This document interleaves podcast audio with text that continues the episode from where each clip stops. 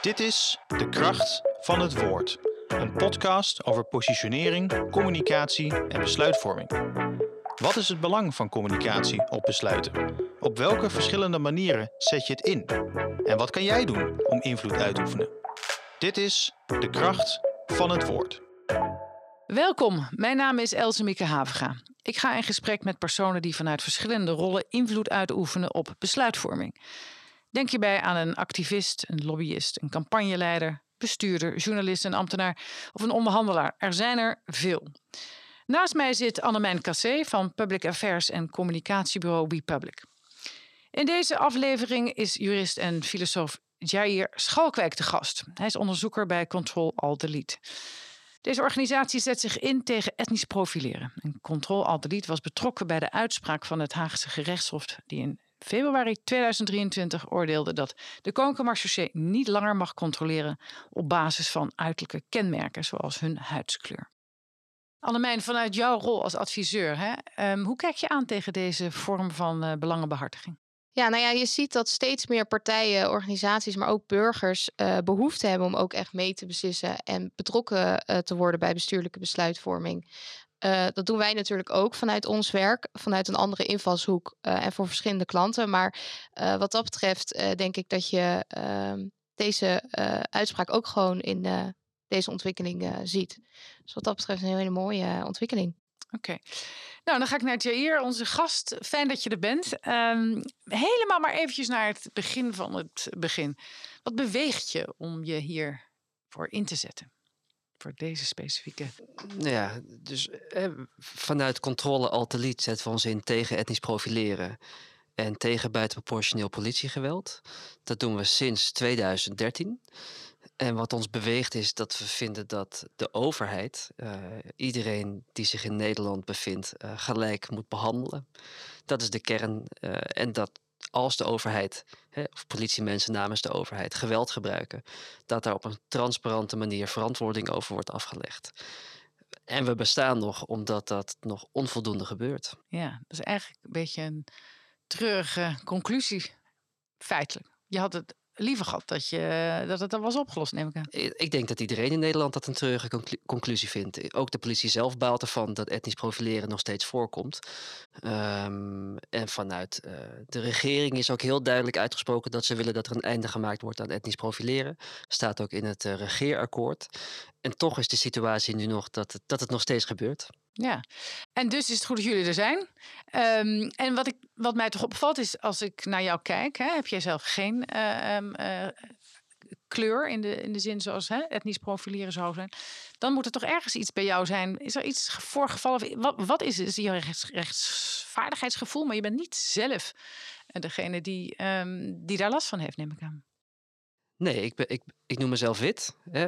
Mensen van kleur, mensen met een migratieachtergrond, met een zichtbare migratieachtergrond, hebben wel last van etnisch profileren. Ik werk in een team van mensen waar ik de, binnen Controle Atelier de enige witte persoon ben. Al mijn collega's hebben ervaringen met etnisch profileren, of hun kinderen, of hun ooms en tantes, vrienden. Um, het is, het, het is gaandeweg op, op mijn pad gekomen. Ik, ik, ik was er niet mee bezig. Ik heb me ook niet, was ook niet mijn ambitie om uh, tien jaar lang in te zetten tegen etnisch profileren. Maar het kwam op mijn pad. Uh, en het trok mijn aandacht. Ja, je, je, je juist bent omdat, gemotiveerd, ja. Nou, nou ja, je, we weten allemaal dat er sprake is van discriminatie in onze samenleving. Ja. Um, maar dat, dat, er, dat er zo duidelijk sprake is van discriminatie door de overheid tegen burgers dat heeft me wel verbaasd tien jaar geleden. En um, ik denk dat steeds meer mensen dat ook uh, zien. Kijk bijvoorbeeld naar de toeslagenaffaire. Uh, daar zien we dat er gewerkt werd met risicoprofielen, waar etniciteit, ras, een buitenlandse achternaam, het, het geven van een donatie aan een moskee factoren waren aan de hand waarvan je op een zwarte lijst gezet werd, waarna je extra gecontroleerd werd. Ja. En, en dat leidde ertoe dat 70% van de slachtoffers van de toeslagenaffaire een migratieachtergrond heeft. Dus doordat, soort, dat soort dingen naar buiten komen, zien ook steeds meer Nederlanders wat de impact is van etnisch profileren. En je ziet het ook uh, dat wat uh, later weer bij Duo, waar de studenten hun hun studiegeld kunnen aanvragen, weer. En daar blijkt dus ook een, een, dergelijke toets te zijn. En uiteindelijk is hij nu meteen aan de bel getrokken. Hebben jullie dat gedaan? Nee, de, de minister Dijkgraaf die heeft nu het algoritme per direct stopgezet. Dat wordt nu geëvalueerd. Uit het onderzoek bleek dat 97% van de mensen die beboet werden een migratieachtergrond had. Um, hoewel het algoritme zelf niet keek naar etniciteit, zie je wel dat er. Dat, er, uh, dat soort dingen uitkwamen. Nee, dat, ja, en, en, dat er dus risico-elementen in zitten die wel gaan over mensen met een migratieachtergrond. Zo werd er niet gelet op uh, studenten die studeren aan de HBO of universiteit, maar alleen maar gelet op studenten die studeren aan het HBO, omdat het frauderisico daar hoger zou zijn. Bij het MBO? Bij het MBO, sorry. Ja. En werd er wel gekeken naar mensen die inwoonden bij een, een, uh, tante of oom. Maar niet bij mensen die op een, op een kamertje bij, bij een vriendin van de ouders uh, wonen. Ja, nee, dat is dus vrij bizar. Dus er is nog een lange weg te gaan als je dit zo hoort. Zeker. ja, uh, maar goed, Even nog terug naar, naar wat je ik, dus... ik zeg dat een beetje opgewekt. Hè? Ja, het, is niet dat ik er, niet, niet dat ik er blij van word dat we een lange weg te gaan hebben. Maar dat is, dat is de realiteit. En ik denk dat het goed is dat onze organisatie dit doet. En er zijn ook een heleboel mensen en steeds meer organisaties... die, die zich hiervan bewust zijn en zich erover uitspreken. En samen zorgen wel voor die verandering. Ja, en heb je dus ook al een mooie ehm, overwinning gehaald. Dus daar zit, zit het uh, eerste succes echt wat we ook zichtbaar hebben kunnen, kunnen, kunnen volgen. Um, ben je dan niet eigenlijk meer activist dan onderzoeker? Want je zegt, ik ben onderzoeker bij. Ik noem mezelf geen uh, activist. Wij noemen ook onze organisatie niet activistisch, Controle Altelied, omdat we, uh, wij organiseren geen demonstraties. we bezetten geen gebouwen. Uh, we zijn een organisatie die een misstand publiekelijk aankaart uh, en daaromheen uh, organiseert. Door onderzoek te doen, door artikelen te schrijven, door te lobbyen, door rechtszaken te voeren. Uh, maar we zijn geen demonstratiegroep. Nee. Nou ja, het woord lobby valt. En dat is natuurlijk iets wat jullie bij uh, Public doen. Ja. Um, dit is wel een andere vorm van lobby, denk ik. Ja, ja, nou ja, je ziet het wel steeds meer. Ik bedoel, je ziet ook natuurlijk bij heel veel uh, maatschappelijke organisaties zoals Greenpeace, Milieudefensie, dat er ook uh, ja, iets meer een activistische toon uh, wordt gezet. Um, en dat is denk ik hier ook een van de voorbeelden van. Ja.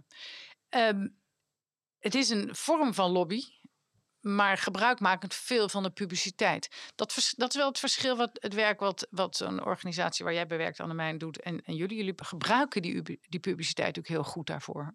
Mm. Of zeg ik nou iets wat niet waar nou, is? Nou, we doen, we doen, we doen. Ja, het is wel, het is wel waar dat we, we hebben verschillende activiteiten. Dus we zijn en publiekelijk actief. Um, en het, het, lobbywerk wat we doen, dat is, dat is minder, minder publiek georiënteerd. Ja. Dus uh, om een voorbeeld te geven, toen de, uh, na, de verkiezingen in 2022, toen er uh, een, een, nieuwe regering werd gevormd, toen hebben we samen met een heleboel organisaties een, een brief gestuurd aan de formateur. En die op tafel gelegd uh, bij de onderhandelende partijen om aan te geven: nou, dit is wat wij denken dat er in het regeerakkoord zou moeten staan. Nee, en, en, daar is ook wat van opgenomen. Nee, en dan zie je ook dat in het regeerakkoord komt te staan: wij vinden dat er voor institutioneel racisme geen plek is. Dat was natuurlijk ook mede ingegeven door de toeslagenaffaire, als gevolg waarvan de regering was afgetreden. Ja. Ja, maar dat staat ook dan heel duidelijk in ja. dat etnisch profileren, dat ze dat willen tegengaan.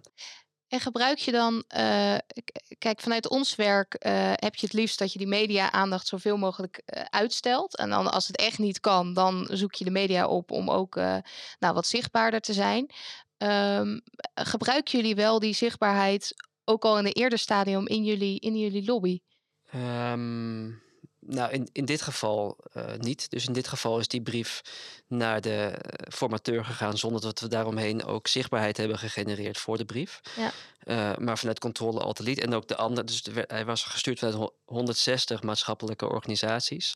Uh, die, onze organisatie en ook andere zijn, zoeken continu ook, um, ja, het klinkt een beetje stom, maar aandacht voor het onderwerp. Dus we, ja, we vinden heel logisch, het toch? belangrijk ja. dat er in de media wordt geschreven over het werk wat we doen en de dingen die we signaleren. Omdat dat zorgt voor druk op, op de organisatie die moet veranderen. En in dit geval is het de politieorganisatie die moet veranderen. En hoe meer druk er van buiten op die politieorganisatie is, hoe meer draagvlak er ook is binnen een organisatie om te veranderen. Er zijn namelijk binnen de politie ook een heleboel mensen die willen dat de politie zich inzet tegen etnisch profileren. Um, maar waarom is dat zo weer barstig dan? Wat, wat precies? dat het toch lastig blijkt te Waarom zijn. het niet verandert? Ja. Nou, er zijn, er zijn een aantal redenen voor. Um, bij de politie is het heel lastig om etnisch profileren te veranderen, omdat de mensen die leiding geven aan de politie um, uh, graag beslissingen nemen die draagvlak hebben op de werkvloer. Um, en dan zeg je dus dat er niet genoeg draagvlak is om daar anders tegenaan te kijken. Nee, e-, echt stoppen met etnisch profileren zou een enorme omslag zijn in het, in het DNA van, van hoe politiemensen selectiebeslissingen maken. Maar nu een ga bijkomend ik, ja? probleem hè, is dat leidinggevenden onvoldoende zicht hebben op wat mensen uh, in de uitvoering ja, doen. op straat doen. Ja. Als je dat niet weet, dan kan je wel zeggen: we willen graag dat jullie het anders doen. Maar als je geen instrumenten hebt om ook te, mee te kijken of ze dat goed doen, ja, hoe ga je dan leiding kunnen geven aan die verandering? Maar wacht even, daar zit wel echt een groot probleem. Je wil niet dat er op straat een uh, cameraatje meeloopt om te kijken hoe die politiemensen zich gedragen. Dus er moet natuurlijk een interne verandering komen in de perceptie en in, in, in hoe, je dit, hoe je hiermee omgaat. Ja, dus de, de, de, en we zijn nu tien jaar voeren we nu dit gesprek over etnisch profileren. En dan, dan dringt de vraag zich op: mogen we na tien jaar uh, gesprek hierover uh, verwachten van politiemensen dat ze die omslag gemaakt hebben. En wat wij zien is dat ze die omslag helemaal niet gemaakt hebben. En waar ligt dat dan? Dat, dat ligt, de, de, de kern van het debat over etnisch profileren is dat, dat je denkt: ik moet mensen staande houden. De, de, de, de kern is dat er, dat er 60.000 politiemensen zijn, waar, waarvan 25.000 op straat. En dat we met 17 miljoen mensen in dit land leven. En dat politiemensen die de deur uitgaan om boeven te vangen, dus elke dag selectiebeslissingen moeten maken. Soms is er een melding, dan ga je af op die melding. Maar een groot deel van het werk bestaat ook uit proactief politiewerk. Iemand is niet een verdachte, maar de politie heeft wel dat onderbuikgevoel en wil daarom klopt die controle even uitvoeren. Niet, ja, klopt even niet, dat gevoel. Nou, bij die controles, hè, dus de politie heeft ook hele brede bevoegdheden hele ruime bevoegdheden, de Wegenverkeerswet. Mag je el elke auto aan de kant zetten zonder dat er een vermoeden van schuld hoeft te zijn. ID-controles, preventief fouilleren, hele brede bevoegdheden. Um, en dan gaan de mensen die een, een, een kleur hebben, vaak zijn die de klos. Dus dat wat je eigenlijk maar, dan gaat zeggen? Dat is, dat is wat ik wilde zeggen. Maar niet per se omdat, omdat agenten racisten zijn. Maar omdat ze denken, we moeten ons in onze werkzaamheden richten op de mensen waarvan ik weet dat de kans groter is dat ze zich schuldig maken aan strafbare feiten. En dat is dus niet zo. Feitelijk. Is dat wat is dat, nou ja, als, dat je, ook als je kijkt naar de gevangenispopulatie, dan zie je dat mensen met een migratieachtergrond uh, veruit de heftig oververtegenwoordigd zijn. Twee Dus derde, is het toch logisch dus dat ze twee, daarop afgaan? Twee derde van de mensen in onze gevangenis in Nederland heeft een migratieachtergrond. Maar dan is het dus in de perceptie van de politieagent logisch dat je als je niet veel tijd hebt en er overal tekort is en Ja. eh, dat je dan daarop afgaat, dat is toch niet zo gek? Dat is de belangrijkste driver voor etnisch profileren. Dus je weet bijvoorbeeld dat de Poolse mensen. een theoretisch voorbeeld. Hè? Ja, ik wou zeggen, we gaan hier ook even profileren. Ik geef. Hè, stel, stel, de politiemensen hebben informatie waaruit blijkt dat met name Poolse mensen vaker met alcohol achter het stuur zitten en verkeersongelukken veroorzaken. Mag je dan de Poolse chauffeurs vaker Aanhouden. staande houden Vind jij van niet? voor een verkeerscontrole? Maar vind jij van niet? Wij vinden van niet, Want? want dat is etnisch profileren. Je maakt dan een selectiebeslissing. Maar het is toch zo?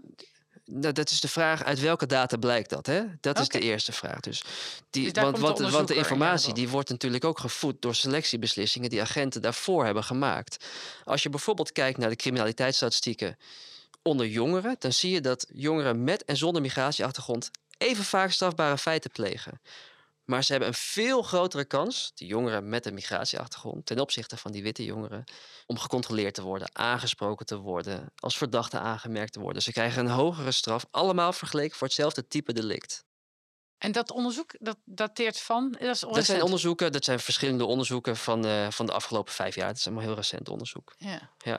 En En, en dus voor duidelijkheid, wij, wij vinden dat de, dat de politie zou moeten kijken naar verdacht gedrag. En daarbij iemands uiterlijk niet zou mogen meewegen. En er was, eh, recent hebben we dus die rechtszaak gewonnen tegen de Koninklijke Marechaussee, tegen de staat. Dat ging precies hierover. Dus de Kamar, die doen de, de Koninklijke Marechaussee, die doen de grenscontroles op Schiphol en op Eindhoven Airport en op de, in de treinen, op de weg. Die zeggen, ja, wij kijken naar de mensen met een niet-Nederlands uiterlijk. Omdat, dat kunnen mensen niet zien. Hè? Ik doe aanhalingstekens. de mensen met een niet-Nederlands uiterlijk. Omdat we weten, hè, die zitten, dat, dat, dat zit in het risicoprofiel waar ze mee werken. En daarover heeft het Hof gezegd, dat mag niet. Dus je mag niet mede op basis van iemands ras, huidskleur, afkomst, etniciteit, die selectiebeslissing maken. Nee, dus dat is een hele goede en de winst ook voor jullie. Absoluut. En, voor de, en, de, en de, politie gaat, oriënteert zich hier dus nu ook op. Hè? Dus de bij de politie worden nu gesprek gevoerd over. Uh, moeten, wat, wat betekent deze uitspraak voor ons? En, en dat, die gesprekken moeten ook gevoerd worden bij het UWV. En bij DUO. En bij de Belastingdienst. Maar er is natuurlijk nu wel meer aandacht voor. Hè? En, en, en dat is wat, toch, wat toch een interessante uh, is richting die lobbywerken die jullie doen. Mhm. Is er misschien in eerste instantie minder aandacht, want je wil het onder de radar. Maar uiteindelijk moet je natuurlijk ook zorgen dat je de aandacht krijgt hè? Ja. Op, de, op de van de politici, want dat is dan vaak wat je doet. Ja. Dan gaat het over communicatie erover. Ja, zeker. Ja, en ik denk wat je hier zei, uh, we hebben hard gelobbyd om het ook in het regeerakkoord te krijgen. Dat is natuurlijk een heel mooi haakje om vervolgens vanuit daar je, je, ja, je zichtbaarheid richting Den Haag te vergroten. Um, het is natuurlijk dan kabinetsbeleid. Dus uh, dan moet je er ook echt als kabinet gewoon actief mee aan de slag. Gebeurt dat? Dat vraag ik me ook af. Nee, dat gebeurt dus niet. Het is heel interessant om te zien. Dus, uh, Vinkje, het staat in regeerakkoord, maar ja. vervolgens... Ja, er, er, is, er is geen beleid gemaakt wat uitvoering geeft. Uh, we zien ook geen aanzetten tot beleid dat uitvoering geeft aan die paragraaf in het regeerakkoord. Um, en direct na de uitspraak uh, van het gerechtshof over etnisch profileren door de Kamar, waarin dat dus werd verboden, hè, mhm. selectiebeslissingen mede op basis van ras. Uh, meteen, uh, toen kwam er een brief van het kabinet en die zeiden: Nou, we zijn het, uh, we zijn het niet eens met deze uitspraak. En we gaan hem ook niet helemaal uitvoeren. Dus ze zeggen: deze uitspraak gaat alleen over selectiebeslissingen op vliegvelden. Maar hij gaat niet op voor de trein en, en voor de weg. Ik zie overigens dat... nooit een op de weg in de, in de trein. Ik, nee, ik zie ze ook nooit. Dus, maar dat, dus komt omdat ik, dat komt omdat wij nooit gecontroleerd worden. Nee, maar ik zie de marchaussee ook niet. Maar dat is juist bij het vliegveld. Dus daar ging het toch ook over. Een groot deel. Ja, en enkele keren en, en grenscontrole. Ja, maar nu komt de, de jurist in mij naar boven. De uitspraak gaat over selectiebeslissingen bij MTV-controles. Mobiel toezicht veiligheid. En die voert de Kamar uit zowel op, op Schiphol als Eindhoven Airport en Rotterdam Airport... als aan de grens en in de, uh, in de auto en in de trein. Mag ik nog een hele andere vraag stellen? Dus, eh, dus voor duidelijkheid, de, de, het Hof doet een uitspraak. Het kabinet beperkt de rijkwijde van die uitspraak. Terwijl ze ook ervoor kunnen kiezen om indachtig het regeerakkoord ja, dat wel te doen. die ruimte te zoeken. Dus je ziet dat ze heel actief de ruimte zoeken om het juist te beperken. En dat, dat is interessant. Maar zou dat ook kunnen zijn dat zo'n MIVD, die, de, die, dat heet tegenwoordig anders volgens mij. MIVD, IVD? Ja, ja, de Binnenlandse Veiligheidsdienst. Ja. Maar dit, oké, dat daar dus nog steeds vanuit dreigingen bepaalde, uh, bepaalde keuzes worden gemaakt, of weet ik veel wat er gebeurt, wat wij allemaal niet weten, dat dat invloed heeft op zo'n zo'n uh, uitspraak van het, van, het, uh, van het kabinet op, om te zeggen, ja, weet je, we, doen wel, maar we doen niet alles. Hm. Zou dat kunnen? Ik, ik weet het niet, hè? Ja, heb maar je, heb je aanwijzingen om dat nee, maar te ik denken? Ik snap niet waarom, waarom een kabinet en ze zetten het regeerakkoord en er komt een uitspraak. Waarom je dat dan zou willen inperken zonder ja. echt een goede reden?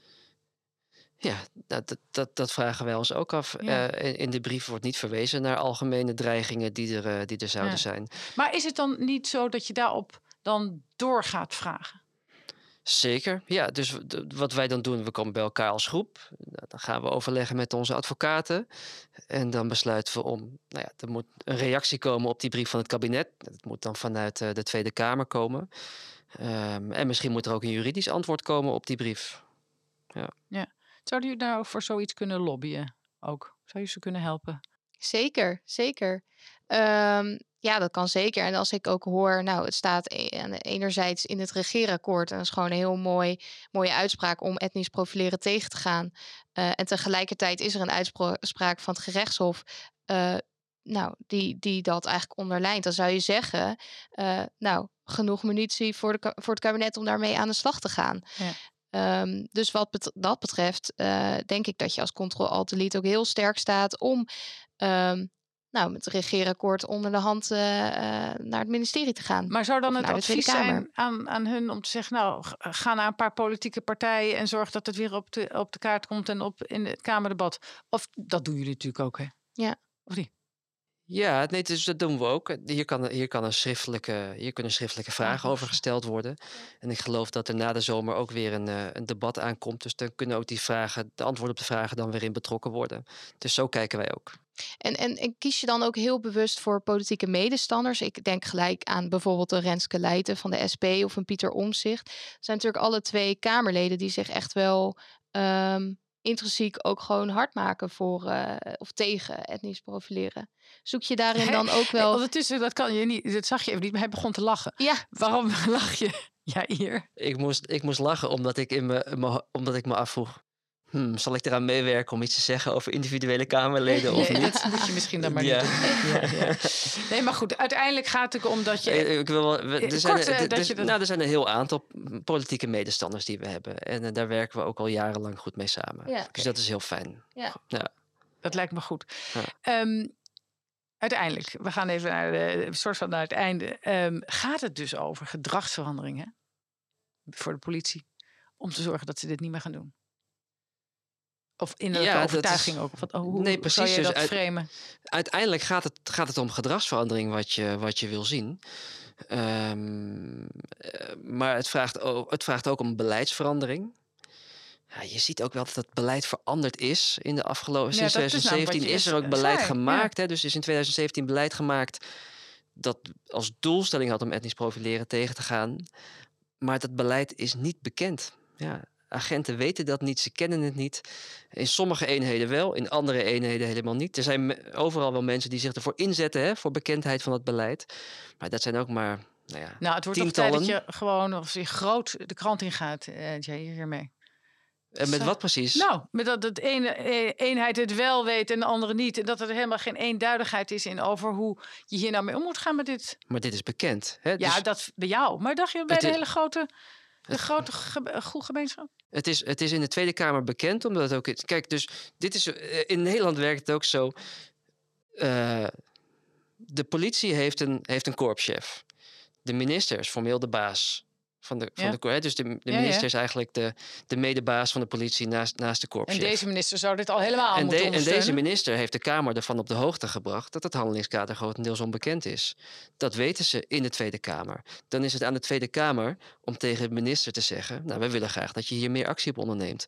dat gebeurt niet. Maar goed, en dat kan soms publiciteit ook helpen om die minister onder druk te zetten. Er is continue uh, publiciteit uh, rondom dit onderwerp. Kijk naar, bijvoorbeeld naar de documentaire De Blauwe Familie. Uh, daar hebben, die hebben ja. wij geïnitieerd in 2020, na, ten tijde van de Black Lives Matter demonstraties. Ongeveer een jaar geleden, in 2022, was hij op tv. Ging over racisme binnen de politie. Enkele jaren daarvoor was een documentaire over etnisch profileren door de politie. Verdacht hebben we ook aan meegewerkt. Het is continu in de aandacht en op de agenda. Het is echt aan de Tweede Kamer om de actie in te ondernemen. Maar de Tweede Kamer doet dat niet. Omdat de meerderheid van de Tweede Kamer niet ervoor kiest om stelling te nemen in dit dossier. Dat betekent dat de bal ligt bij de politie. Ja. Hoewel we eigenlijk vinden dat een verantwoordelijkheid is van de minister van Justitie en Veiligheid, ligt de bal dus bij de politie. En daarom richt ons lobbywerk zich bijvoorbeeld ook op het beïnvloeden van het beleid bij de politie. Want de politie maakt ook eigen beleid. Die moeten ook gewoon dat Zonder dat de minister daarbij betrokken is of de Tweede Kamer. Oftewel, ja. helaas, controle alt is nog lang niet uh, overbodig. Ben je al donateur? je kan donateur worden bij controle alt Oké, dan gaan we dat doen. Goed. Dankjewel dat je hier wilde zijn. Annemijn ook dankjewel. En dankjewel. Uh, heel veel succes met je werk. Dankjewel.